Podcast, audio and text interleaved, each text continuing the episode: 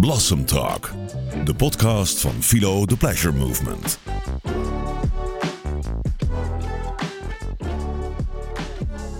Nou, Paulien, dan beginnen we maar, hè, zou ik zeggen. Ja, de Tweede keer uh, en dit keer gelijk een gast uh, uitgenodigd. Superleuk. Uh, welkom, uh, Desiree. Ja, dankjewel. Leuk dat je er vandaag bij kan zijn. En nou, laten we er een goede, goede sessie van maken vandaag. Ja, want vertel eens even aan onze luisteraars. Wie ben jij? Nou, ik ben Desiree van Nijhuis en ik ben al 25 jaar juf op dezelfde school. Klinkt heel saai, maar is het sowieso niet. Um, ik heb allerlei groepen gedaan, maar de laatste zeven jaar sta ik voor groep 8. Ja. En um, ja, daarom heb ik veel ervaring met pubers. En zo kom ik met Jess in gesprek over, uh, nou, onder andere seksuele voorlichting. En wat bespreek je wel met pubers, wat bespreek je niet.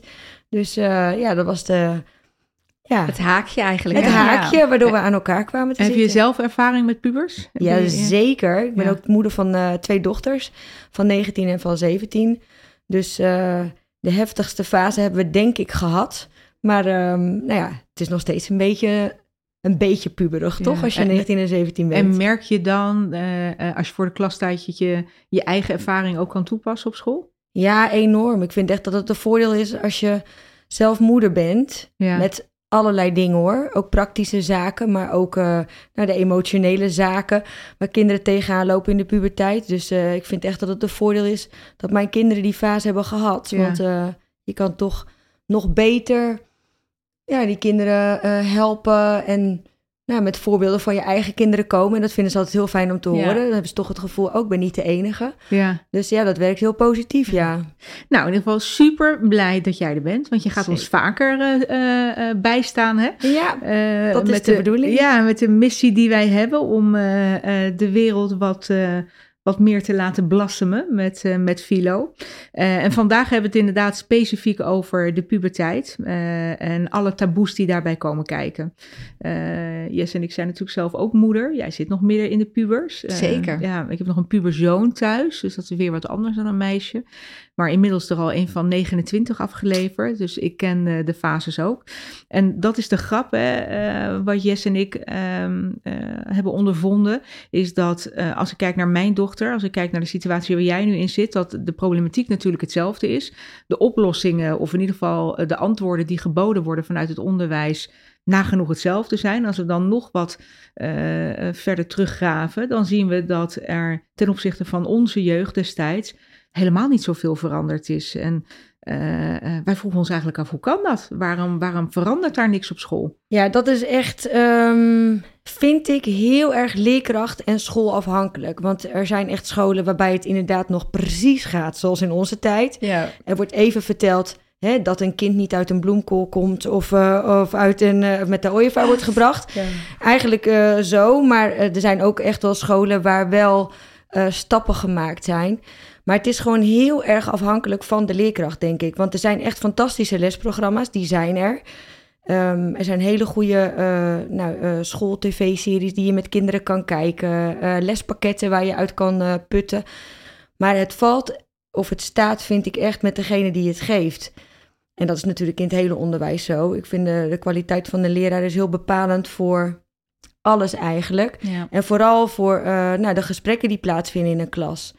Als een leraar zich oncomfortabel voelt bij een onderwerp, ja, nou ja, dan kan je bijvoorbeeld eigenlijk die les wel schrappen, want je gaat niks bereiken. Nee. En um, ja, dus het is heel belangrijk dat een, ja, de leraar uh, die ervoor staat, of dat. Uh, ja, of die ja, betrokkenheid heeft ja. En, uh, en, het enthousiasme voor het onderwerp. Precies. Nou ja, je zag natuurlijk een week of twee, drie geleden, denk ik, in, uh, in het nieuws ook dat die minister eigenlijk aangaf van uh, seksuele voorlichting op scholen moet leuker worden ja. uh, om, uh, om mee te maken. Dat het toch nog niet is wat in de breedte niet is wat ze ervan hopen nee. eigenlijk. Ja, want, nou, want, hoe zit dat? Wat, wat, wat, dat wordt vanuit de overheid gereguleerd, zeg maar. Ja. Zij bepalen, want is er een maatstaaf ja, wat een school voor, de, mee moet voor geven iedere, aan de jeugd? iedere school heb je eindtermen. Ja. voor het basisonderwijs heb je dat, maar ook voor het voortgezet onderwijs. En uh, nou, daar staat in eigenlijk wel beschreven wat er uh, uh, aan de orde moet komen. En dat is echt voor, ja, dat is eigenlijk heel minimaal. Er moet aandacht zijn voor seksuele voorlichting. Eigenlijk wordt het met zo'n soort regeltje afgedaan. Dus het is heel vaag. Ehm, er wordt niet besproken wat er dan. ehm, er wordt niet beschreven wat er dan precies besproken moet worden. Dus ja, scholen kunnen dat ook heel erg zelf invullen. Er wordt daarop toegezien vanuit de overheid. Nee. Nee. Dus het is meer Het wordt een niet richtlijn. getest. En met rekenen, je hebt natuurlijk de eindtoets eh, eh, die iedere school eh, moet maken. Alle Ja. kinderen moeten een soort van eindtoets maken. Waarbij getest wordt of inderdaad rekenen, onderwijs, of dat toereikend is. Nou, ieder met spelling, met taal, dat soort dingen.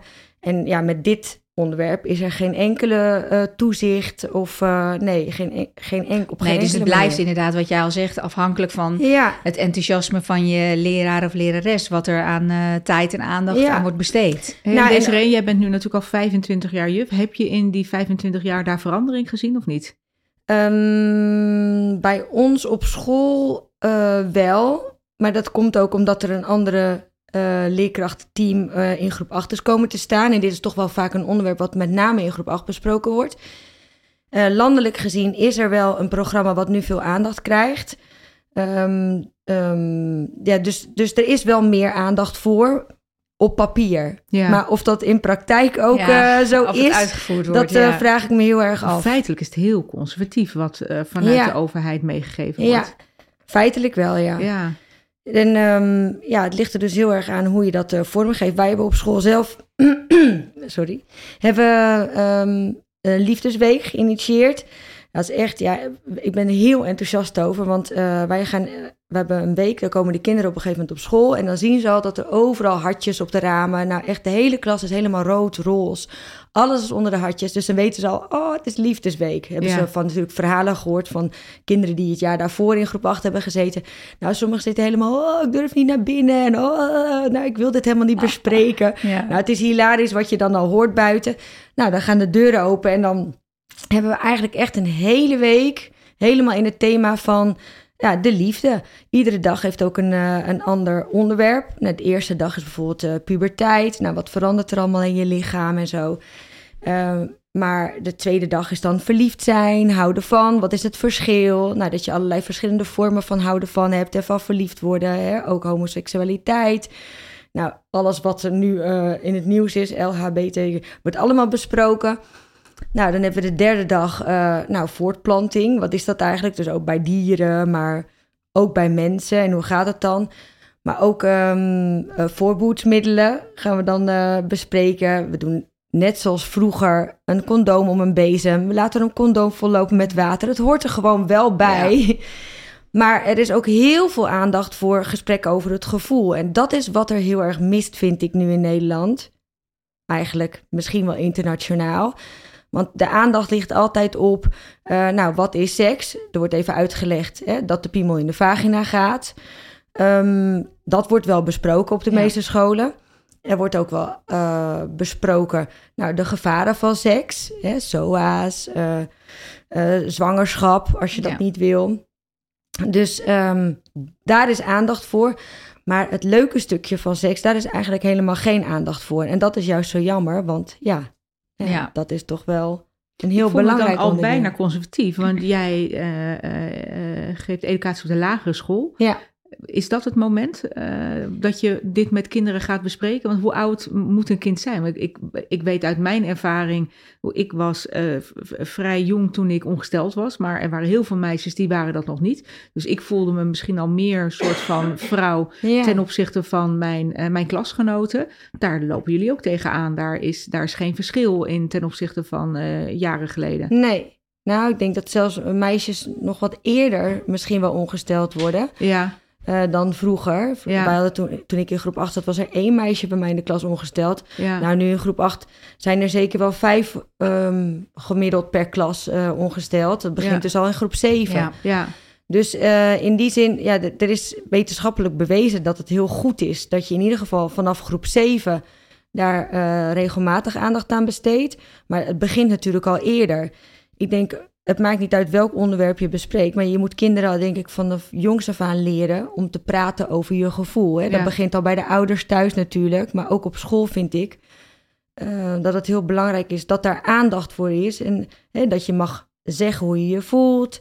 Vertel wat je fijn vindt, wat je niet fijn vindt op alle vlakken. Hè? Ja. Eh, met samenspelen. ehm, nou, met ook met aanraken. Het is gewoon goed Ja, dat, dat je daar met- van jongs af aan al mee begint. Dat, dat zie je wel met name. Tenminste, dat horen we dan wel van een aantal... En van mijn eigen dochters hoor ik dat ook terug. Dat er wel een soort box hangt... waarin ze dingen kunnen aangeven die ze vervelend vinden. Die naar een vertrouwenspersoon gaan. Mhm. Eh, maar eigenlijk eh, de positief benaderen van gevoel wordt eigenlijk niet gedaan. Dus het is alleen maar kijken naar als het in een negatieve eh, sfeer zit, dan zou je dat moeten melden. En, en dat is volgens mij waar nu heel veel scholen mee bezig zijn geweest ook. Terwijl Ja. ik vind juist mooi wat jij zegt. eh, het is zo goed om het in het positieve te trekken en op die manier naar eh, gevoel Ja. te luisteren. Ja. Ja, want als je alleen maar het negatieve benadrukt, krijg je altijd dat slachtoffergevoel. Hè? En dat is vaak eh, achteraf. Maar hoe kan je ervoor zorgen dat het niet eh, eh, negatief wordt? Nee, spreek dus van tevoren al duidelijk uit. Met alles is dat Ja. zo, hè? Met elkaar omgaan, met spelen buiten en zo. Wat vind je fijn en wat vind je...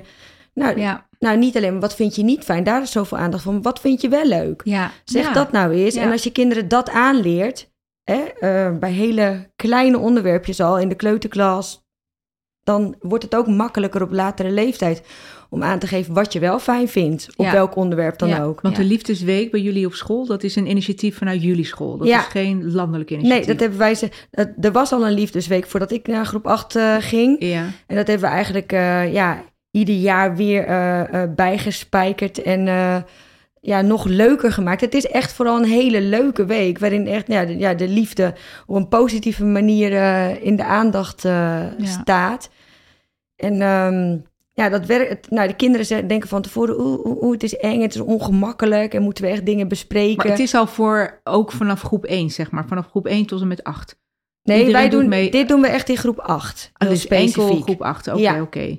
En Maar- wat maakt dat jullie eh, ehm, niet eh, ehm, iets educatiefs ook al aanpakken voor eh, de kleuters? Weet je, dus dat er eh, het positief beoordelen, bij wijze van spreken, van klasgenoten. Hè? Je ziet. Ja, dat doen ze hoor. Dat, Ah, daar is heel, dat is op onze school heel veel aandacht voor. En ik vind landelijk gezien ook steeds meer hoor. Ja? Dat, dat er steeds meer aandacht is voor positieve contact maken Ja. en zo. En eh, de nou, week van de lentekriebels, dat is inderdaad vanaf de kleuterklas. eh, landelijk gezien. Ah, dat is wel. En wat is het verschil dan te- ten opzichte van de Liefdesweek? nou, Lentekriebels is- lentekriebels gaat inderdaad, dat, dat begint heel laagdrempelig. Ja. over nou, eh, vriendjes en eh, nou, inderdaad de, eh, eh, ook bij dieren en eh, liefde voor je ouders. Het gaat over ja, een heel breed. Eh, Eh, meer een soort van saamhorigheid. ja, zeg maar. eigenlijk wel. Ja. Maar ook wel, nou, wat, eh, eh, wat vind je prettig en wat vind je niet prettig. Dus het is wel een heel breed onderwerp hoor. Alleen eh, dat begint ehm, bij de kleuters. Ja, ik heb dat, dat zelf nooit eh, gegeven, dat eh, onderwerp, bij, in die leeftijdsgroep. Dus ik Ja. weet niet exact wat ze daar nou allemaal aansnijden. Maar ehm, ja, het is heel laagdrempelig. En in groep 7 en, En dat 8, is echt vanuit de overheid. Ja. Eh, Oké, dus daar doet elke school aan mee. dat moet niet. Daar kun je zelf voor Ah. kiezen.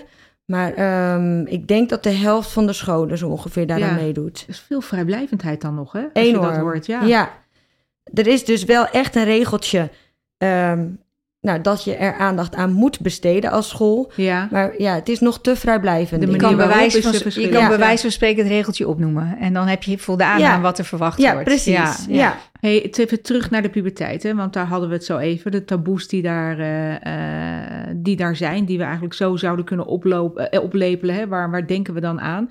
Jullie tackelen dat dus deels eh, via de Liefdesweek. Maar wat kom jij tegen? Eh, eh, wij- krijgen natuurlijk vanuit Philo eh, krijgen wij veel vragen. Hè? Wij zijn bezig met Philo, met onze stichting, om in alle scholen Philo-boxen eh, op te hangen waar ehm, eh, eh, kinderen hun vragen desgewenst anoniem kunnen deponeren en waar we altijd antwoord eh, op kunnen geven. Dus eh, dat zijn echt wel vragen dat we elkaar aankijken. Oh jemig, ja, staan we eigenlijk helemaal niet bij stil dat dat speelt. Ehm, is er dan op elke school ook een vertrouwenspersoon bij wie ze dat soort dingen eh, neer zouden kunnen leggen? Ja, iedere school heeft een vertrouwenspersoon. Dat is eh, gewoon eigenlijk verplicht.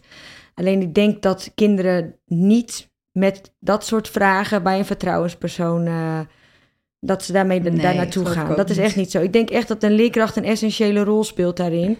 Weet je, het is echt belangrijk dat, eh, dat je kinderen ziet en eh, dat je een band met ze opbouwt. En pas dan durven ze met vragen te komen. Nou, ik, ik ben echt verbaasd. eh, ik had in het begin, toen ik groep, in groep 8 die liefdesweek ging doen, hadden we zo'n anonieme vragenbakje in de klas staan. Dus daar mogen ze inderdaad gewoon anoniem een vraag in doen. Ja. En de eerste paar jaar kwam daar ook echt steeds wel een aantal keer per dag een vraag in. Maar ik merk gewoon de laatste paar jaar dat daar niet eens meer eh, noodzaak voor is. Want ze voelen zich zo vertrouwd met mij blijkbaar dat ze die vragen gewoon in de klas durven te stellen. Nou, echt een van de meest opzienbarende vragen vond ik vorig jaar nog. Ja, eh, mijn konijn die zat bij mij op schoot en die eh, zat een beetje aan mijn piemel te knabbelen. En toen werd die stijf.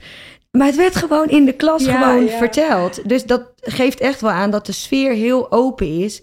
Maar dat is dus wel absoluut een vereiste. Ja, Soms zit ik echt dan, oh oké, wat moet ik hierop zeggen? Dat, Ja, je wordt best wel overvallen soms door vragen.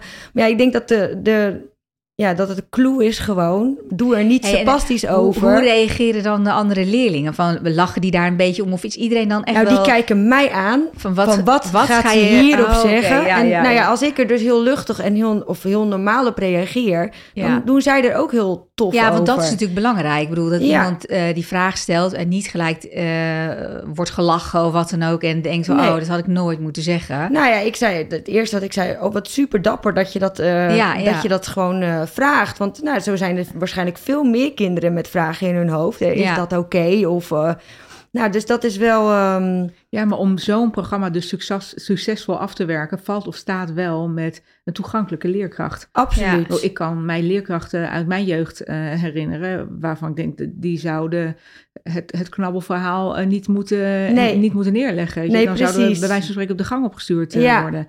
Dus in dat opzicht is er wel een kentering. Zien we dus wel dat Ja. er eh, veranderingen zijn.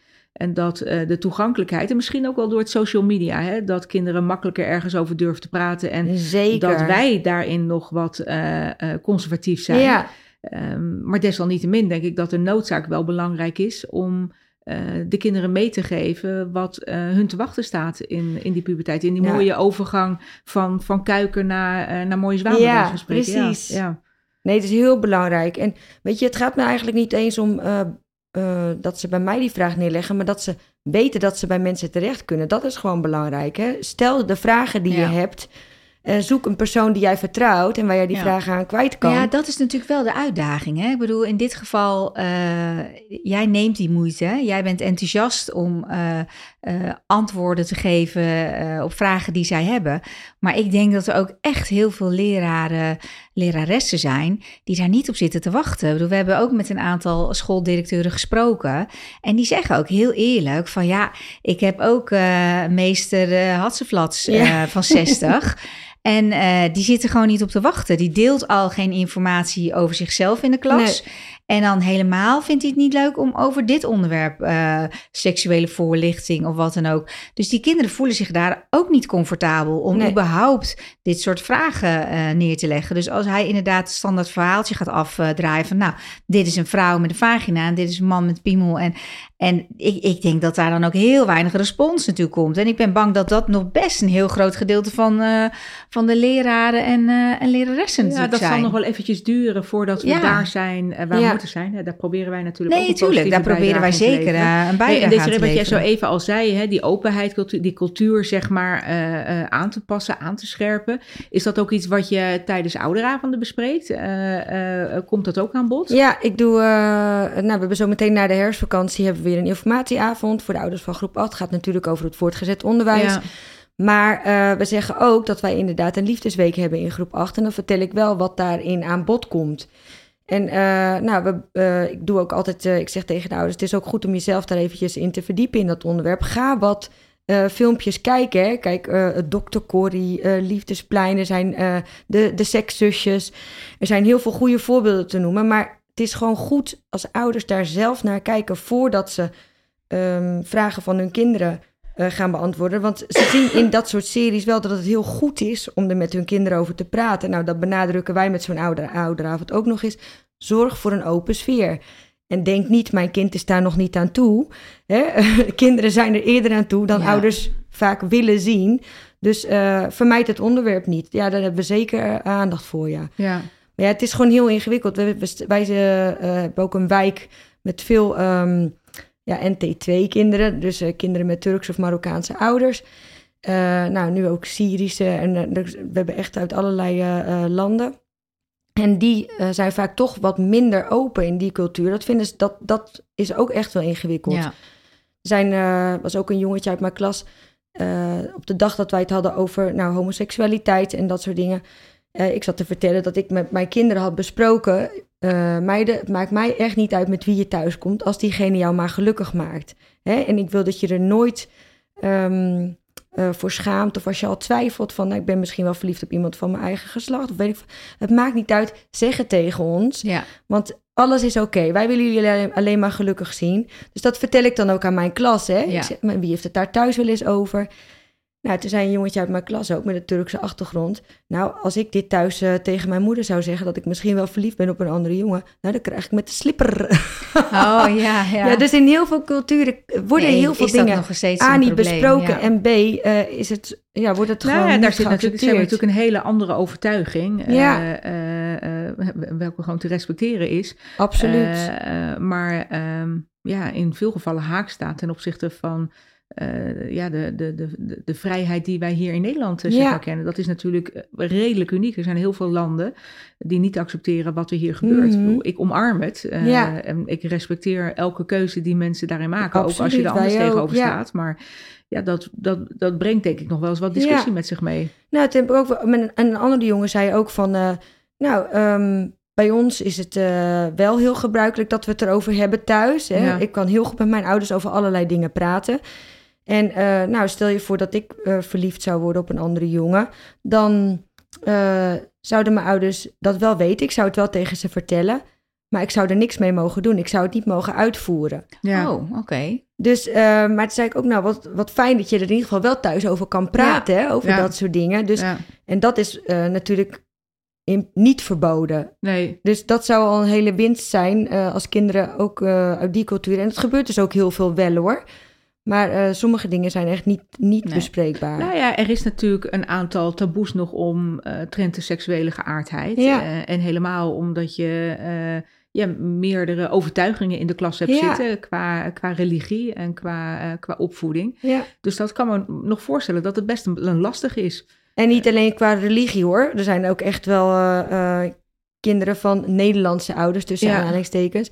En eh, die anderen zijn ook Nederlands. Maar Ja. die, en die zeggen ook van... eh, eh, nou ja, mijn vader zou het gewoon echt absoluut niet accepteren hoor. Nee. Als ik met een jongen zou thuiskomen. Of, Ja, Nee, dat is toch... dat Nou, is niet nee, alleen zeker, afhankelijk van zeker. religie. Nee, nee, nee, Nee. zeker niet af- alleen afhankelijk ervan. Ik bedoel, eh, wij wonen ook in een eh, soort van eh, gehucht natuurlijk Ja, een beetje. precies. Ik denk ook niet dat dat heel... De Bible belt, ja. Nee, ja, nou weet je, tuurlijk. Daar, hoor je natuurlijk ook reacties Ja. op. En dan, ik vertelde het aan jou. en dat, is, dat heeft niks met puberteit te maken. Maar we, we, zondag wilde mijn jongste dochter een feestje geven voor Halloween. Gewoon een kinderfeestje. Maar er zijn gewoon kinderen die niet, niet mogen komen. Nee. Daar heb ik alle begrip voor, hè, dat ze daar niet voor kiezen. Maar ja, dan denk ik wel, het is nu een heel commercieel, actueel thema. Ja. Ehm, waar zij eigenlijk helemaal niet het eh, besef hebben, eh, alleen maar de leuke dingen daarvan zien. ja. En eh, geef daar dan een klein beetje ruimte voor. Maar dat is nog best wel een, een ding. Ja, Ah ja, daar precies. valt ook wel weer wat voor te zeggen hè? dat mensen Tuurlijk. echt achter hun standpunt blijven. En wij staan er in dat opzicht niet, niet bij stil. Ik begrijp heel goed waar Ja. ze vandaan komen. Daar heb ik ook alle respect voor. Maar dan denk ik soms wel, ja, weet je wel, je kan kinderen ook heel goed uitleggen Eh, het verschil, zeg Ja. maar, hè, tussen eh, een themaatje of Ja. echt eh, de diepere betekenis ervan. Dat is niet waar, waar we hiermee bezig zijn, zeg maar. Het is hier gewoon een commerciële activiteit. Ja. Dus ik snap heel goed dat dat ja, het heel erg afhankelijk is van waar woon je. Ook Ja, in ja, Nederland is dan nog zelfs. best lastig als ik dat inderdaad... Natuurlijk, dit gaat dan over een specifiek thema. Maar eh, als jij inderdaad een, een eh gemeleerde pluimage hebt zitten in de klas...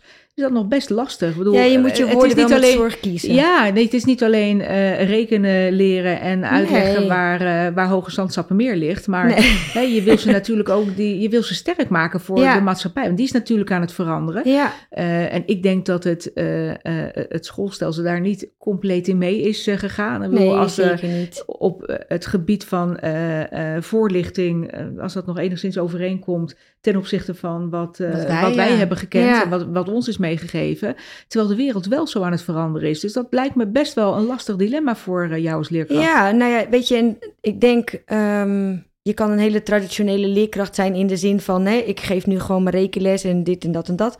Maar dan moet er nog ruimte kunnen zijn om te praten met kinderen. Mijn allerbelangrijkste doel, dat zeg ik ook op de eerste dag en dat herhaal ik iedere dag in het schooljaar, totdat ik ze uitzwaai aan het einde van het schooljaar. Iedere dag zeg ik het allerbelangrijkste is dat je je fijn voelt in de klas. ja. Want pas als je je fijn voelt, kun je ook dingen leren. Ja. Kun je jezelf zijn, kun je jezelf ontdekken. Ja. Nou ja, dat zeg ik ook. In groep 8 is het nog belangrijker dan in andere jaren natuurlijk. Dat je eh, ontdekt, nou, waar ben jij goed in? Waar liggen je talenten? Eh, waar ben je niet goed in? Eh, waar zou je graag beter in worden, willen worden?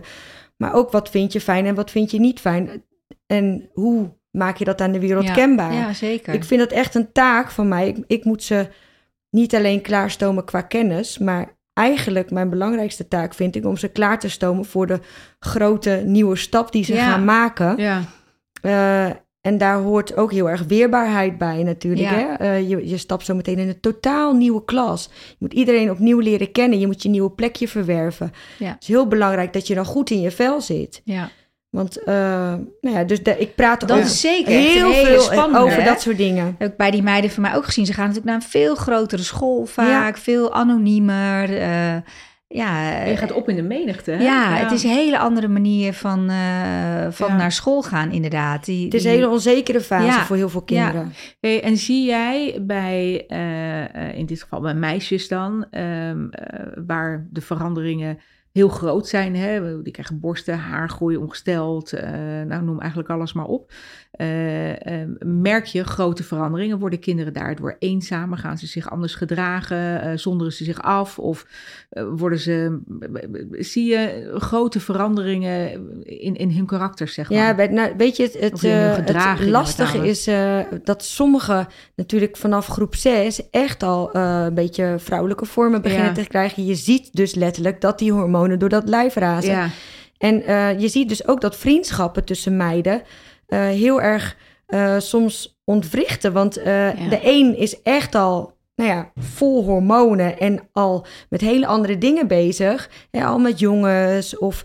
eh, nou, die wordt al ongesteld. Dus nou, eh, die heeft een keer een chagrijnige bui en eh, zit niet lekker in de vel en hoofdpijn en buikpijn.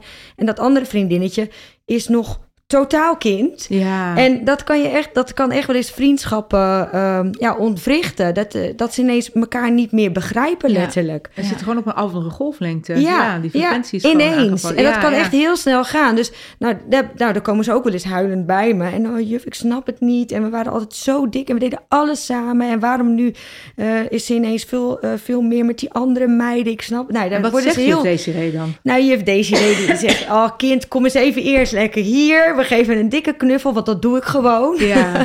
En eh, nou, nou, dan vertel ik inderdaad nou, dat het ehm, nou, echt wel kan door de fase waar ze in zitten. Hè, je, eh, de ho- razehormonen door dat lijf van haar al wel, van jou nog niet. En daardoor, onder invloed van die hormonen, verander je wel heel erg. Ja. Ik zeg, jij gaat zo meteen ook veranderen. En dan heb jij misschien ook meer behoefte aan andere eh, mensen om je heen. Dat kan. En dat is dan grappig. Jij bent natuurlijk een, een, een, juffrouw. En als je een meester voor de klas hebt staan. En je, eh, Oh. Ja, dat is ook wel anders. Dat is ja, lastig. Een van de vragen die wij ook kregen in de filobus eh, was inderdaad mijn leerkracht. Die, hè, die stond te veel in haar, in haar aura Ja. op een of andere manier. Ze zegt, ik word daar heel onpasselijk van. Hè? Ja. Een meisje was eh, ongesteld, begon al wat borsten te krijgen. eh, Voelt zich echt al wat vrouwelijker. eh, voelt zich anders ten opzichte van andere klasgenootjes, hè, schreef ze. En ze zegt, nou, er staat die leerkracht steeds achter me. Zij denkt dat de leerkracht dan een crush op haar heeft, waar Oh ja. eh, Dat is natuurlijk Oh, altijd eh, een, een heel gevaarlijk terrein. Ja. Ja. voor haar voelt dat heel erg. Ja. Weet je? En waarschijnlijk deed die leerkracht dat voor die tijd ook. Maar zij ervaart dat als, als, Ja. als, als, ja, onaangenaam. Nu als eh, lastig, ja, ja. ja. En wat, wat is dan een advies? Weet je? Hoe zou je zo'n meisje dan het beste advies kunnen geven? Ja, dat, nou, dat zijn hele lastige situaties dit natuurlijk. En ik merk echt wel, hè, ik ben heel erg voor meer mannen in het onderwijs hoor. Maar ik merk ook wel dat mannen, eh, dat kinderen bij mannen eerder een soort dubieus gevoel kunnen hebben dan Ja. bij vrouwen. Want eh, nou, wij hebben zoiets aan de hand gehad. ehm, dat kinderen inderdaad ook bij iemand op school uh, nou, zich niet veilig voelden. En dat gevoel hadden van, hmm, hmm, hmm. Oh. er, was niet echt, er was niet echt iets gebeurd, Nee. maar ze hebben wel het gevoel van, ik vind dat Ja. niet prettig. Gelukkig kwamen ze daarmee naar mij toe. Dan hebben ze dat uitgesproken. En toen zei ik, joh, maar ik doe hetzelfde en eigenlijk nog veel erger. Ik pak jullie zelfs vast. Ik knuffel met al die kinderen. Ja, het voelt, ik word echt een beetje zo'n moederkloek. Ja, ja. En bij mij, zei ik ook van, heb je, dat, heb je ook dat gevoel bij mij? Want ik pak jullie vast en eh, ik geef jullie een aai over je bol en een schouderklopje en dit. En eh toen zei ze, nee, bij jou we dat nooit. Ja, maar jij bent een vrouw, zeiden ze. Ja, ja. Dus ik denk ook dat mannen in, dat, in die fase, dat kinderen zo aan het veranderen zijn, best wel een beetje in het nadeel zijn. Dat toch Ja. wel, dat ze daar En eerder... wordt daar dan vanuit Ja. school ook eh, iets eh, aan gedaan? Ja, wordt, nou ja. daar, wordt daar in de lerarenkamer over gesproken? Op dit moment dat het- dat bij ons eh, gebeurde, daar wordt meteen, o- Ja, er wordt meteen zeker, actie maar wordt er ook preventief? Wordt daarbij stilgestaan? Wij hebben echt regels eh, eh, daarover. Nou ja, wij hebben ook een mannelijke directeur. En die is, daar, ze- die is zich daar ook heel erg van bewust. Hij zegt ook altijd op de onderbouw, daar geven kinderen gewoon een schouderklopje en eh, ehm, dat soort dingen. Die- Hè, daar, eh, daar pak ik ze ook eens vast van, hé, hey, eh, hoe is het met je en dit en dat. Maar hij zegt in de bovenbouw doe ik dat pertinent niet. Want ik weet gewoon dat daar gewoon veel kinderen zich daar toch on- onprettig bij voelen. Of ja. dat er alleen al over gepraat kan gaan worden. Ja. Hij past daar extra mee op.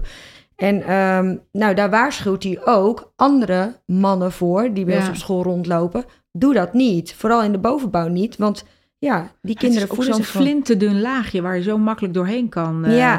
Ik weet bij mij Ja, inderdaad, moeilijk. als de leerkracht eh, eh, door de kleedkamer liep voor het schimmen, dat, ik was er vroeg bij, dus ik vond het ook gewoon niet kunnen. nee. Echt, Nee. no way. Eh, daar kon ik me echt heel erg over, eh, over opwinden. Oh, terwijl mijn Ja. eh, vriendinnetjes dat allemaal niet hadden, of mijn klasgenootjes. Want ja, die, die liepen in, ja, meestal toch net iets achter met de natuurlijke ontwikkeling ten Ja. opzichte daar waar ik stond. Maar dat is natuurlijk, ja, dat, dat, ik vond het ook een heel naar gevoel. Maar daar zijn ook afspraken over bij ons hoor. Ja, Ik ben, eh, eh, ik overleg altijd aan het begin van het jaar of ik wel door de meidenkleed, want ik moet die zaal uit, dus ik moet of door de jongens of door de meidenkleedkamer.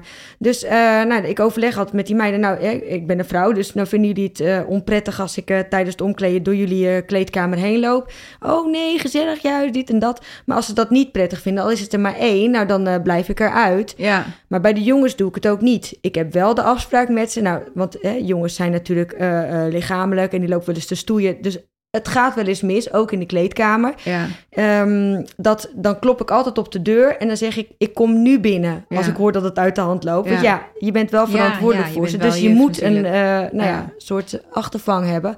Dus dat is al de regel die ik met ze heb. Maar ik klop eerst voordat ik binnenkom. En dan zeg ik ook door het spleetje, ik kom nu binnen. Dus als je Ja, ja. wil bedekken, bedek het alsjeblieft.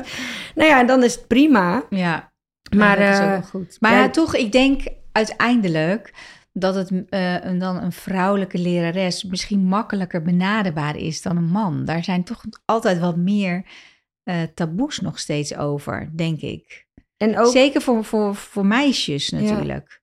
Om daar wat opener over jezelf te zijn, lijkt me ook gewoon lastiger. Dat denk ik ook. Ik denk ook dat het voor een man sommige dingen lastiger te bespreken zijn. Mijn collega Ja. die in groep 7 staat, een fantastische leraar.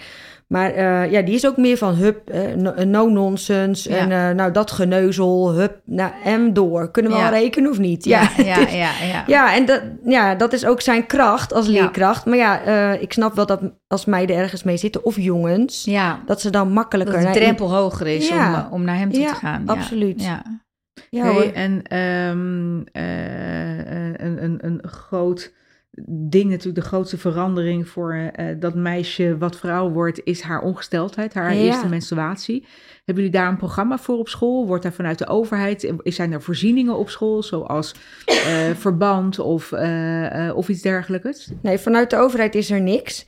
Eh, dus wij zorgen er altijd zelf voor. We hebben iemand die de koffie en thee inkoopt. Nou, die koopt ook het maandverband en een tampons in. Ja. Dus er ligt, bij ons altijd op het lerarentoilet eh, ligt een voorraadje. Ja, En dat is echt voor kinderen. Dat is Ja. niet voor ons. En ehm, eh, we spreken ook af met kinderen, eh, met meisjes die voor het eerst ongesteld worden. Als ze het fijn vinden, mogen zij in het lerarentoilet. Want eh, in de gewone toiletten zijn natuurlijk meerdere hokjes Alles in één ruimte. Ja. Voelen, hebben ze al vaak het gevoel, oh, ze horen het al als ik dat papiertje van die maandverband Ja, open doe. ja, en ze willen vaak niet dat de anderen dat weten de eerste keer. Dus ze mogen gewoon gebruik maken van het lerarentoilet. Maar goed, hè, dan kunnen andere kinderen weer zien dat ze in dat toilet gaan. Dus dat is altijd wel een beetje een, eh, een heet hangijzer voor eh, meisjes die net ongesteld worden. Maar de, de voorzieningen zijn er. Dus eh, dat wel. Maar ik had laatst ook een meisje, vorig jaar nog. Nou, die werd... eh, ehm, nou, dat was ook al een heel ongemakkelijk moment voor haar. Zij zei op een gegeven moment sta- stak ze haar vinger op. Dus ik zei, ja, wat is er? En toen zei ze, ja, nee, je moet even hier komen. Ja. Dus ik liep naar haar toe. Toen zei ik, wat is er aan de hand? Ze zegt, ik denk dat ik net voor het eerst ongesteld ben geworden. En volgens mij is mijn hele stoel nat. Of ik heb in mijn broek geplast. Ik weet niet wat er Oh, gebeurd is. Vreselijk. Nou, het was gelukkig bijna pauze. Dus ik zei tegen die kinderen... zei, oh jongens, jullie hebben zo goed gewerkt. Jullie mogen als verrassing vijf minuten eerder naar buiten. Ja. Dus ja. nou, zij gingen allemaal naar buiten. Jee, jee, jee, jee, jee. En ik deed even net of ik met haar nog eventjes iets met rekenen aan het bespreken was. Nou, dus toen iedereen de klas uit was, toen zei ik... nou, sta eens op. Ja hoor, de hele eh, stoel onder Oh, bloed. Ook gelijk heel heftig. En het was dus de eerste keer dat ze ongesteld werd. Dus nou, we zijn naar de wc gegaan. En een vriendinnetje van haar, die had ze het al ingefluisterd. Dus eh, die hebben we snel naar, haar, naar het huis van haar gestuurd. Die heeft even kleren opgehaald, want de moeder was niet thuis. Ja. Dus dan heb ik daar met haar in de wc. Ja, nou, en ze heeft ook echt... Nou, alles, alles moest uit. Dus ze stond echt in de blote poesje. stond, ja. stond ze daar. Nou, we hebben alles verschoond. En eh, nou ja, ze vond het natuurlijk heel ongemakkelijk. Maar we hebben gewoon grapjes erover gemaakt. En eh, ja, het gebeurt bij Maar iedereen. gaan dan niet alle registers opengetrokken worden? Dan eh, eh, is het dan niet, dan moet de moeder toch komen. Dan, weet je, Ja. Ik vind dat je eerste menstruatie gewoon gevierd moet worden. Dat is echt ja, oh, nou, ik vond het ook super vervelend. Maar die moeder zat echt ja, ver weg. Die, zat, die, was voor, die was gewoon aan het werk. ja. En die was in Utrecht aan het werk. Ja, dan Ja. houdt het gewoon op. Dat Ja. kon gewoon niet. Maar heb je dan niet echt een enorme feestdoos op ja, natuurlijk. Ik heb, oh, we hebben er geknuffeld. We hebben, we hebben Chocola gepakt, alles. Ja, ja, ja, ja. natuurlijk. Ja, daar maak je iets van. Ja. Maar ja, ja, het is toch heel zuur voor haar op dat moment dat haar moeder er niet is en dat ze niet even bij de moeder kan huilen. Maar goed, we hebben samen eh, gestaan Ja. in het toilet. Dus de vriendin kwam erbij. We stonden met z'n drieën op één vierkante meter. En we hebben het gewoon gezellig gemaakt. Ja, Ja. Je moet wat. Ja, ja. Nou ja, Ja. fantastisch. Want eh, jou, eh, eh, je zou maar de leerkracht hebben gehad die ik had. Dat was een pijprokende ja. leerkracht. Ja. Oh, dat Daar, mocht toen nog in de da- klas. zou ik zeker niet tegen gezegd hebben. Nee. Dan is het echt een, nou, een klein traumaatje, kan ik me Ja. voorstellen. Ja. Ik denk niet eens een klein want dan ben je, nee, nee, want dan zit je daar helemaal bebloed. Ja. Want word, je dan, Oh. word je dan uitgelachen? Ja. Hoe gaat zo'n klas daarmee om? Ja. Nou, ik heb toen ook eh, aan haar gevraagd. Ik zeg, joh, eh, wat eh, vind je het? wel een hele fijne klas was dat. Ik zeg, vind je het fijn om het te vertellen aan de andere meiden, weet je wel? Want die, ze gaan er toch achter komen. Ja, want ze ja. weten ook van elkaar, die en die en die zijn al Ja, ongesteld. tuurlijk. Dus vind je het fijn om dat te vertellen? Ze zegt, nou, vandaag nog niet. Vandaag is het ons geheimpje. Ik zeg, helemaal goed. Maar, maar ze zegt, ik vind het eigenlijk wel fijn als je het morgen vertelt aan de andere meiden. Ik zeg, moet ik het vertellen? Wil jij het vertellen? Of zullen we het samen vertellen? Nee, ik wil wel graag dat jij het vertelt Ja. aan de andere meiden. Ja. Dus nou, ik heb wel vaker een meidenoverlegje. eh, of een jongensoverlegje hoor. Dan eh, ga ik met de, even met de jongens in de koffiekamer zitten. Of met de meiden juist in de koffiekamer zitten. En nou, toen hebben we het even verteld zo. En gelijk aangegrepen natuurlijk om het Ja. er breder over te hebben. Hè? Eh, hebben jullie daar nog vragen over? Of eh, Ja. dat zijn altijd van die gouden momentjes, vind ik. Die moet je pakken en eh, daar moet je iets van maken. Nou, je zou bijna ook zeggen inderdaad dat, dat er vanuit de overheid dat er iets gereguleerd zou moeten worden, waardoor je een soort van eh, pakket kan meegeven. Hè? Eh, want dan komt de vraag, eh, gaat zij een, een, een tampon gebruiken? Gaat ze maandverband gebruiken? Eh, ja, dus- ja, wel überhaupt, wat weet ze ervan misschien wel? ja. Want eh, Ja. wordt daar iets vanuit op school iets over uitgelegd of niet? Nee, Waar ja. leert dat meisje dan wat, wat, wat goed hoe voor haar moet. is? Ja, want de, de verhalen van eh, een tampon met een plasticje zelfs er nog omheen inbrengen. Ja. eh, met de het maandverband met de plakstrip naar boven. ja, dat, dat is gewoon echt, dat gebeurt gewoon echt dagelijks. ja. Omdat meiden daar niks over weten. En nou ja, wij doen dus in die liefdesweek helemaal, uh, we, we laten alles zien. We hebben in de liefdesweekdoos hebben we alles zitten. Dus het maandverband wordt uitgepakt. Een tampon wordt uh, uh, opengemaakt en in een glas water gehangen, zodat ze ook zien wat er gebeurt. maar ik denk dat er, um, daar is landelijk gezien niks voor geregeld. Ik zou er echt voorstander van zijn om bijvoorbeeld standaard in groep 7... Um, ehm, nou, geef een les aan meiden daarover. Ja. Ja, laat inderdaad alles zien. Het zou heel goed zijn nou juist nu in deze tijd, dat er steeds meer armoede is, um, dat het voor ieder meisje beschikbaar is, sowieso. Ja. Dat is natuurlijk iets wat we vanuit de stichting ook doen. Hè? Ja. Uh, met, onze, uh, met onze Filo-stichting uh, struinen we echt heel Nederland af. En is het onze doelstelling om alle scholen, groep 7, 8, om die um, te bezoeken en om die meisjes apart te nemen en inderdaad stil te staan. Fantastisch. Uh, bij, ehm, bij ja, de, de, de, het waanzinnig mooie wat er gebeurt in haar lichaam. Want dat is het. Weet je, er is niks ergs aan. Het is, het is misschien een hele aparte fase waar je doorheen gaat. Maar jemig, het is wonderbaarlijk wat ons lichaam allemaal wel niet kan. Dat je inderdaad van dat meisje af en je gaat zo'n mooie vrouw zijn. En dat je uniek bent, dat je van jezelf mag houden, dat je er mag zijn. Uh, dus daar staan we zeker inderdaad uh, bij stil. En we merken ook hoe, uh, hoe schrijnend het in sommige situaties is. Wat jij ook zegt, een maandverbandje plakstripje naar boven, die had ik nog nooit gehoord. Maar inderdaad ook ja. heel veel meisjes die denken dat je zo'n beetje moet uitspoelen, ja. uitknijpen, wassen en dat je hem daarna weer kan oh, gebruiken. Ja, het is echt wel... en soms is het noodzakelijk, hè, omdat ze financieel het niet kunnen bolwerken, nee. dat dat een reden is. Uh, uh, maar inderdaad ook heel veel meisjes, ja, nee, het ruikt niet fris. Dus dan uh, doe ik ook als ik niet ongesteld ben, gebruik ik iets er, om, om, om dat te ja. verdoezelen. Dus om ze ook bij de hand te kunnen nemen van, joh, weet je, dit is je lijf, dit, dit kan, dit hoort, dit mag. hier moet je aan de bel trekken. Ja. Um, zo zijn we ook bezig met ja. de, de filospiegel, bij wijze van spreken, omdat zoveel vrouwen, laten we daar maar eens mee beginnen, nog nooit tussen de benen hebben gekeken. Nee. En uh, dat willen we eigenlijk jonge vrouwen ook al meegeven van kijk nou, kijk Begin nou hoe het eruit ziet. Mee, ja. ja, en dan weet je ook wanneer er wat verandert en ja. wanneer je aan de bel zou moeten trekken. Uh, we zeggen wel eens dat mannen, ja, als zij poedelnaakt staan voor de spiegel, dan zien ze alles. Ja. Dus uh, ja. zij zullen wat opmerkzamer zijn op het moment dat er wat gaat veranderen. Wij hebben geen spiegel op de grond liggen, dus nee. als wij voor de spiegel staan, zien we ook niet zoveel. En we staan er eigenlijk ook nooit bij stil. Nee. Uh, uh, Tamara, onze gynaecoloog die ons bijstaat, die zegt...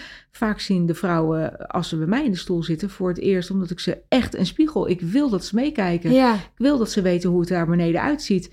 En waarom uh, je ergens last van kan hebben... of welke veranderingen ja. um, niet goed voor je lijf zijn... waardoor je aan de bel zou moeten trekken. Ja. Staan we gewoon niet bij stil. En dat gaat misschien veel te diep voor die jonge meisjes, maar we willen ze wel graag meegeven dat het belangrijk is dat zij hun lijf kennen, dat zij hun grenzen kennen, weten en dat ze die niet verleggen, maar bewaken. Uh, dus daar willen we echt wel een stukje van meegeven. Eigenlijk een beetje wat jullie doen met de liefdesweek. En dat begint echt in, echt in die leeftijd, denk ik hoor. Groep 6, 7 zou dat voor meisjes heel goed zijn. Ja. Nou, om, nou ja, zeg het maar wel eens een keertje. Kijk maar eens met een spiegeltje. Ja. En uh, ook meiden, bijvoorbeeld, ik heb wel eens een vraag gehad over afscheiding. Ja. Een meisje zei tegen mij: Oh, mijn juf, ik denk dat ik ziek ben. Toen zei ik: Ik denk dat je ziek bent, waarom? En toen zei ze: Ja, ik heb uh, altijd in mijn onderbroek een heel wit spul zitten. Nou, toen heb ik inderdaad, nou, uh, ja, maar, en uh, mijn vriendinnetje, die denkt dat ook. Maar die heeft, die heeft dan denk ik misschien wel dezelfde ziekte. Misschien hebben we elkaar wel besmet. Oh ja. Oh. dus dan hebben we heel, uh, al die meiden weer hè, in de koffiekamer, meidengesprekje. Ja. ja. Nou, dat het heel normaal is en hoe dat dan ontstaat en zo. Dus er zijn zoveel um, dingen die kinderen niet weten. En ook vrouwen, denk ik, nog nee, steeds zeker, niet ja, zeker. Mijn vraag is dan eigenlijk ook wel, waar ligt die verantwoordelijkheid? Weet je, is dat iets wat ouders moeten oppakken? Is dat iets wat school moet oppakken? Is dat iets wat school tegen de ouders zou moeten zeggen? Houd hier rekening mee, doe onze plezier, heb het daarover. Ja. Nou, ik denk dat het uh, een samenbundeling van krachten zou moeten zijn. Ik denk dat je niet alleen de verantwoordelijkheid bij ouders neer kan leggen, want je weet gewoon niet of alle ouders het doen. En niet alle ouders nee. zijn ook capabel genoeg nee. om dat uit te leggen, hebben misschien ook niet de band met het kind om dat te doen. Maar je kunt het ook niet helemaal bij de scholen neerleggen, want ik vind het ook een stukje opvoeding. Ja. Ja. Het zou mooi zijn als je uh, de samenwerking zou kunnen vinden. Hè? Als je inderdaad nou, met Filo zo'n uh, pakket zou samenstellen voor eh, meiden eh, eh, in groep 7. Nou, dat je ook eh, een, misschien een boekje maakt voor de Ja, ouders. Ja, zeker. Eh, en die erbij betrekt. Of met een soort QR-code van scan eh, die QR-code. is lekker makkelijk. Hè? Ja. Het moet allemaal laagdrempelig zijn tegenwoordig. En dan eh, laat die ouders maar een, een filmpje zien. Hoe je daar, eh, wat je wel moet vertellen. Wat je niet kan vertellen. Dat soort dingen. Ja, daar Denk zit ik denk ik ook goed. enorm verschil natuurlijk hè, voor ouders. Wij hebben het zelf eh, ook eh, over gehad. Van ja, eh, ik heb zelf drie dochters. Zou ik nu hetzelfde doen met de jongste? Als dat ik aan de oudste heb verteld, denk ik, nee, nee. Ik heb ook wel weer andere inzichten natuurlijk gekregen door waar, met name waar wij nu ook mee Ja. bezig eh, zijn. En dan denk je, ik heb het eh, toch ja, goed gedaan of je bent open met je kinderen. Ja, en, en nu denk je, ja, andere dingen had je misschien toch wel specifieker kunnen benoemen. Het blijft toch wel een onderwerp. En ik denk niet alleen eh, vanuit jezelf als ouder naar je kind toe. Maar ik denk ook dat er genoeg kinderen zijn die het helemaal niet leuk vinden om van hun ouders of hun moeder of hun vader te horen.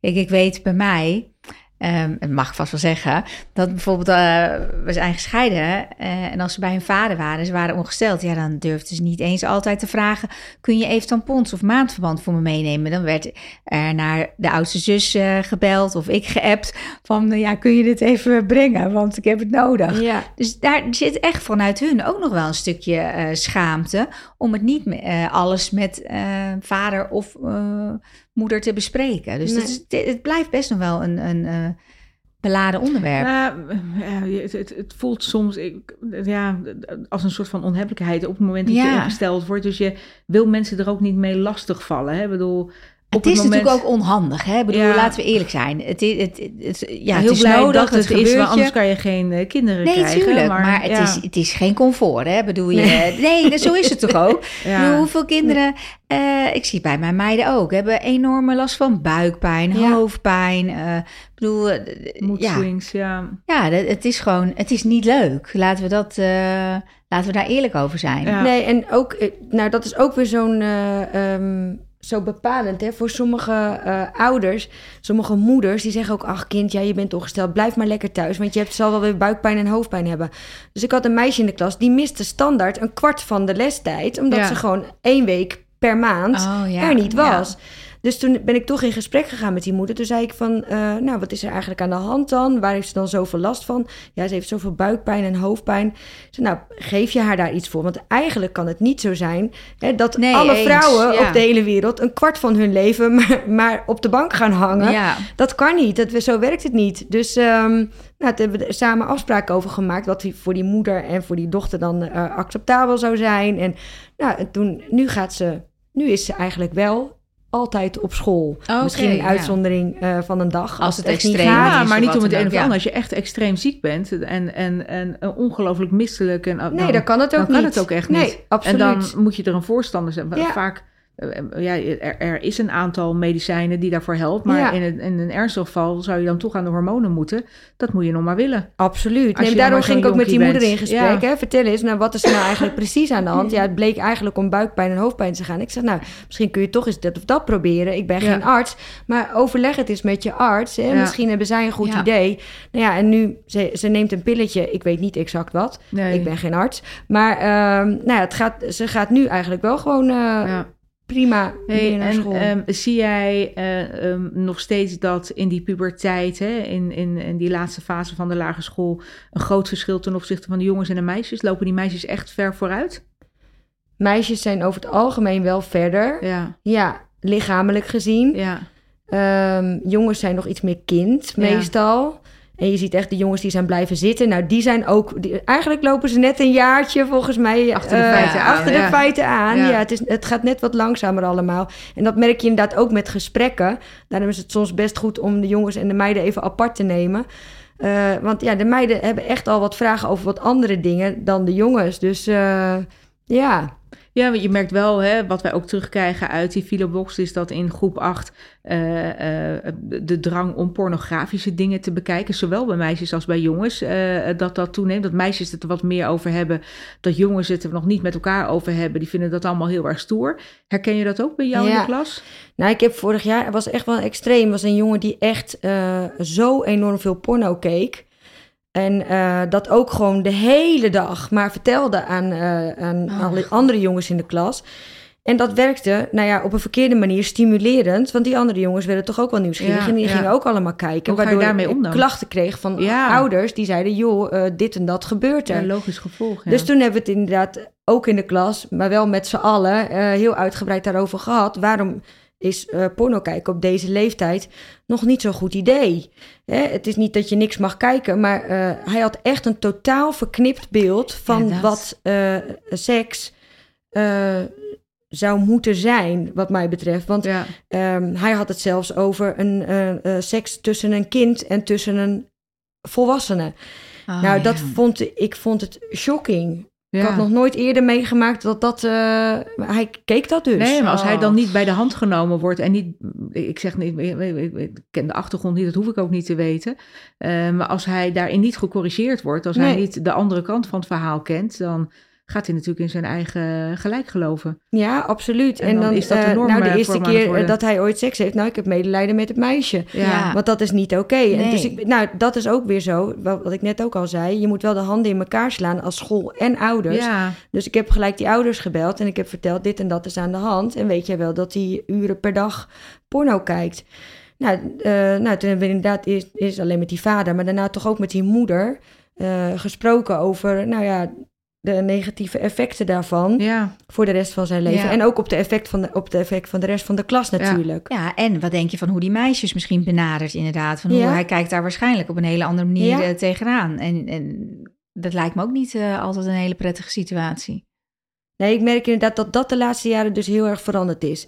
Vroeger hoorde je nooit een kind die porno keek. En nu, ja, maar alles staat tot hun beschikking. Ja. hè? Ja. Ik bedoel, je kan alles Absoluut. intypen en vroeger Ja. moesten we een boekje kopen. Ja. Nou, om de dode donder dat je dat niet deed, steuten voor Nee. dat eh, tante Rita om eh 18 uur Ja. stond, bij wijze van spreken. Dus dat Die deed net je ziet dat gewoon jij een boekje Ja. koopt. Ja, nee, ja, dat je ja. ja, ja, nee, maar zo is het wel. Ik bedoel, Maar- ze typen het in. Ja, en, ja, eh, nu kunnen ze alles is. En natuurlijk, je kan dat vergrendelen als ouder. Maar inmiddels gaat eh, eh, het digitale tijdperk zo snel dat dat kunnen we als ouders haast niet meer bijbenen. Nee. Ik bedoel, eh, als wij iets beveiligen, dan weten de Ze kinderen al lang weer hoe ze dat moeten omzeilen. Ja hoor. Ja. En ze kunnen bij elkaar kijken of, Ja. of wat dan ook. Dus dat is best wel. En daarmee zien kinderen natuurlijk ook het beste, het gekste, het meest extreme, het lelijkste, het mooiste wat de wereld te bieden heeft. Ja, Eh, en dat hadden wij vroeger natuurlijk helemaal niet. Ik bedoel, het, het mooiste was wat, wat je in je dorp, weet je, dat was het mooiste wat ik op dat moment ja. En dat, dat had niet eens wat met de provincie of met, met Nederland te, maken. Laat staan met Europa of de wereld. Maar die kinderen zien natuurlijk alles. alles. Die kunnen alles zien. En eh, eh, ja, die volgen mensen die eh, invloedrijk zijn, die Ja. zoveel volgers hebben. En die eh, zich zoveel rijkdom ook kunnen vergaren. En zoveel extremiteiten kunnen, eh, ten uitvoer kunnen brengen. En als je dan niet oppast, zou je bijna denken dat dat normaal is. Ja. Dat wat jij thuis krijgt. Dat is sober en pover. En wat zij zien online, dat dat op een of andere manier de maatstaf is. Ja. Dus dat is, dat is best wel een lastige om als sowieso- ouder, maar ook als, als, als school, om daar een juiste invulling aan te geven. Ja. Absoluut. En wat de een eh, mag in de klas, mag de ander natuurlijk niet thuis. Nee. Dus eh, ja, daar moet je altijd maar een beetje tussen Ja. laveren. Dat, is, Ja. dat maakt het soms best ingewikkeld, ja. en de ene ouder vindt dit wel acceptabel en de andere niet. Ja, nou ja, dan moeten wij maar ergens in het midden gaan zitten. en ons Ja. verstandig oordeel geven. Ja. Ja. Maar het is wel lastig, ja.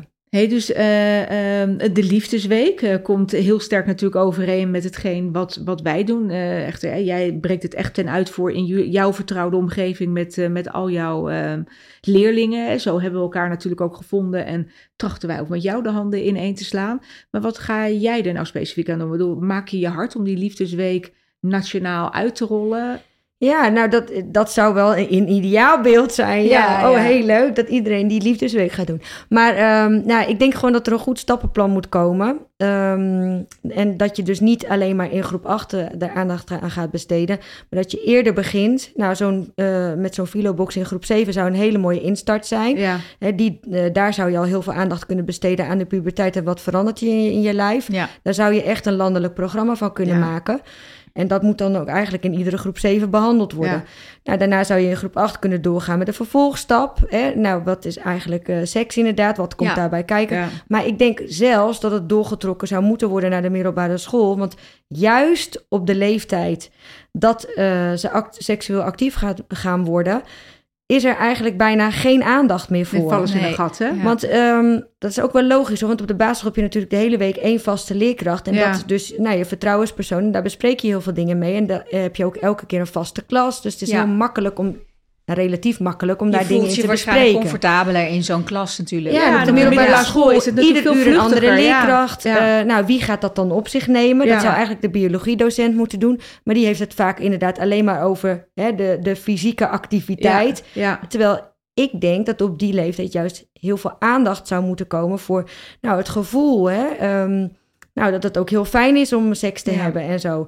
Dus eh, nou, daar zou ook een, eh, programma op doorontwikkeld moeten worden, denk ik. Ja. Ik denk dat je echt een breder programma van zou, Ja. voor zou moeten maken. Zouden we dan eigenlijk kunnen concluderen dat er eh, ten opzichte van onze jeugd en hè, die sprong naar het hedendaagse, dat er eigenlijk niet zo heel erg veel veranderd is. Dat de noodzaak er nog steeds is. Dat die misschien wel eh, meer dan ooit aanwezig is, omdat de kloof groter wordt. Absoluut. Hè, vanwege social media Ja, en dergelijke. Zeker. En eh, eh, dat het belangrijk is dat de overheid, instanties, scholen eh, de handen in één gaan slaan eh, om ervoor te zorg dragen dat wij ehm, de jeugd en onze toekomst dus kunnen wapenen eh, voor hetgeen eh, komen gaat. Ja, en ik denk op een eh, andere manier dan altijd gedaan is. Want eh, de nadruk lag te veel op uitleggen wat de fysieke daad was. Ja. Nou, dat weten ze inmiddels wel. Hè? Ja. Juist door zoveel beeldmateriaal wat Ja. voorhanden is. Ze weten heel goed wat de fysieke daad is. Eh, en eh, niet alleen maar aandacht meer hebben voor eh, de negatieve eh, toestanden van Ja. eh, seks, eh, de gevaren. Maar ook nou, voor het fijne en eh, nou, ja, dat het iets heel Ja, moois zeker. is. Daar, denk ik ook dat wel. Nou, hebben en de bewustwording van Ja. hoe, hoe zit je lijf in elkaar. hè? Ja, met wat name is een, natuurlijk- vagina, wat is een vulva, waar zit je clitoris? Wat, Ja, dat specifiek Ja, voor meiden. ja. Maar ik denk wat ook belangrijk is inderdaad, is de onderlinge eh, relatie Ja. natuurlijk. Hè? Van hoe, eh, en daar hoop je dat als je zoveel mogelijk eh, educatie eh, geeft, meiden ook steviger in hun schoenen staan. Hè? Ja. Zich bewust te zijn van wie ze zijn en wat ze wel en niet leuk vinden. Wat jij natuurlijk ook heel duidelijk al aangeeft.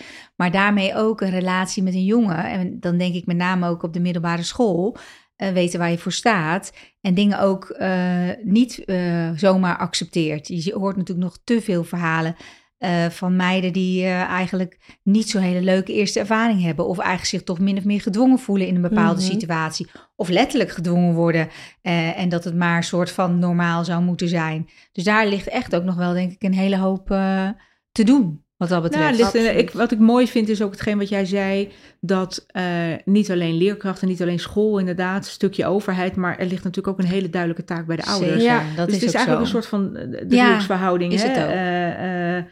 Eh, Ja. maatschappelijk, eh, vanuit de overheid, eh, school en de ouders. Ja, Ja. dat we allemaal onze bijdrage daarin aan moeten leveren. En veel erover praten, veel erover horen helpt echt. Want Ja. eh, hè, sinds ik hier meer mee bezig ben, eh, heb ik meer gesprekken met vriendinnen erover en zo. En dat is heel inspirerend als je hoort hoe anderen het doet, doen. Maar er moet wel hè, de seksuele voorlichting en dat, de gesprekken met kinderen. Dus het is zo belangrijk dat er meer openheid eh overkomt. Ja. En nou, dus dat kunnen scholen, die functie kunnen scholen absoluut vervullen. Dus daarom Ja. denk ik ook dat het goed is dat er een programma komt. Waarbij scholen Ja. ook de ouders meenemen in het hele proces. Ja, want Ja, hadden wij het je kunt het ook niet natuurlijk al alleen. even over. Dat je denkt dat iedereen best vooruitstrevend is. eh, op een bepaalde leeftijdsniveau. maar dat het nog steeds natuurlijk ook voor sommige ouders eh, best een moeilijk onderwerp eh, is om eh, te bespreken met hun eh, kind. Dat ze ook niet precies weten wat ze moeten zeggen. Dus ik denk dat daar natuurlijk ook nog best wel een belangrijke Ja. taak ligt. Om die erbij meer bij te betrekken. Absoluut. En wat jij zegt, ik bedoel, dat merken wij ook. Hè? Hoe, we horen veel meer van mensen nu we hiermee bezig zijn. Dus eh, wij leren ook elke dag weer eh, nieuwe dingen. En dat, uh, dat is natuurlijk ook zo met dit onderwerp. Hè? Ouders moeten denk ik toch meer geïnformeerd worden, meer uh, op de hoogte zijn wat er speelt bij die doelgroep. Ik denk ook, en dat is natuurlijk misschien niet heel aardig om uh, natuurlijk te zeggen, maar heel veel ouders zijn ook heel druk. Hè? Allebei aan het werk, kinderen komen meer alleen thuis, waar dat vroeger anders was mm -hmm. en misschien moeilijker was om te bespreken als onderwerp, is het nu misschien ook wel een beetje gebrek aan tijd mm -hmm. wat ervoor is.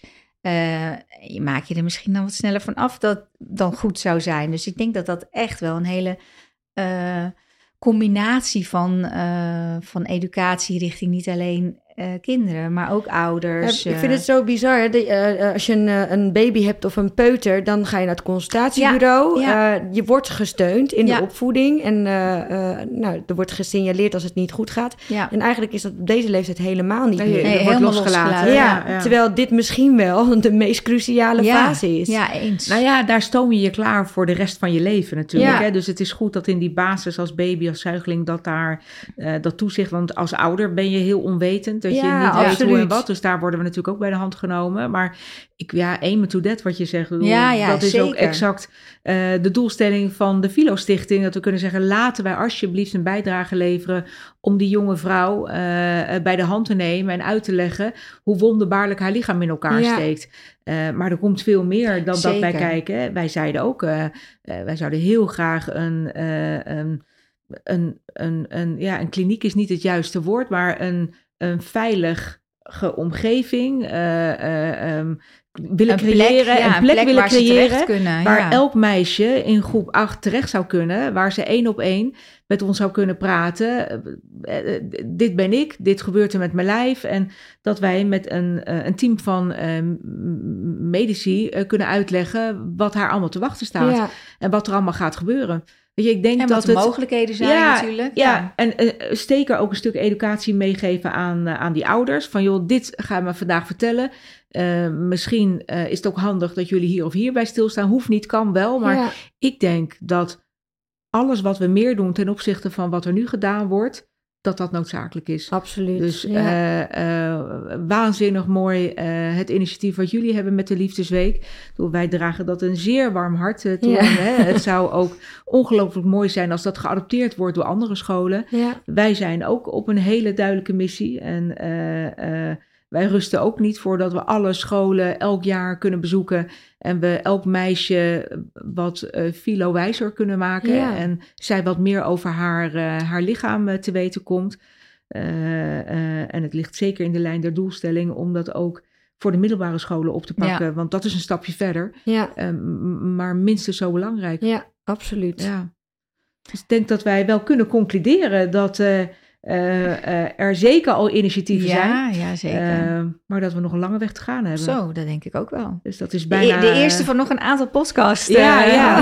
He, dat is bijna een oproep om, om de overheid daar ook hun betrokkenheid te laten zien. Ik bedoel, het is geroepen destijds. Ja. Maar wat gaat daar voor invulling ja, aangegeven ja. worden? Dus nou, dankjewel een missie, een mooie ja. missie. Ja, we graag zeker. gedaan. Ja, ja. Blij dankjewel. dat jij erbij bij bent, zeker. En uh, super fijn dat je ons team ook komt versterken. We gaan mooie plannen maken. We gaan zeker mooie plannen Ja. maken. En wij gaan uh, de wereld uh, met elkaar laten blassenen. Ja. Heel graag tot de volgende mooi keer. maken. Nou, Dankjewel. graag tot ziens.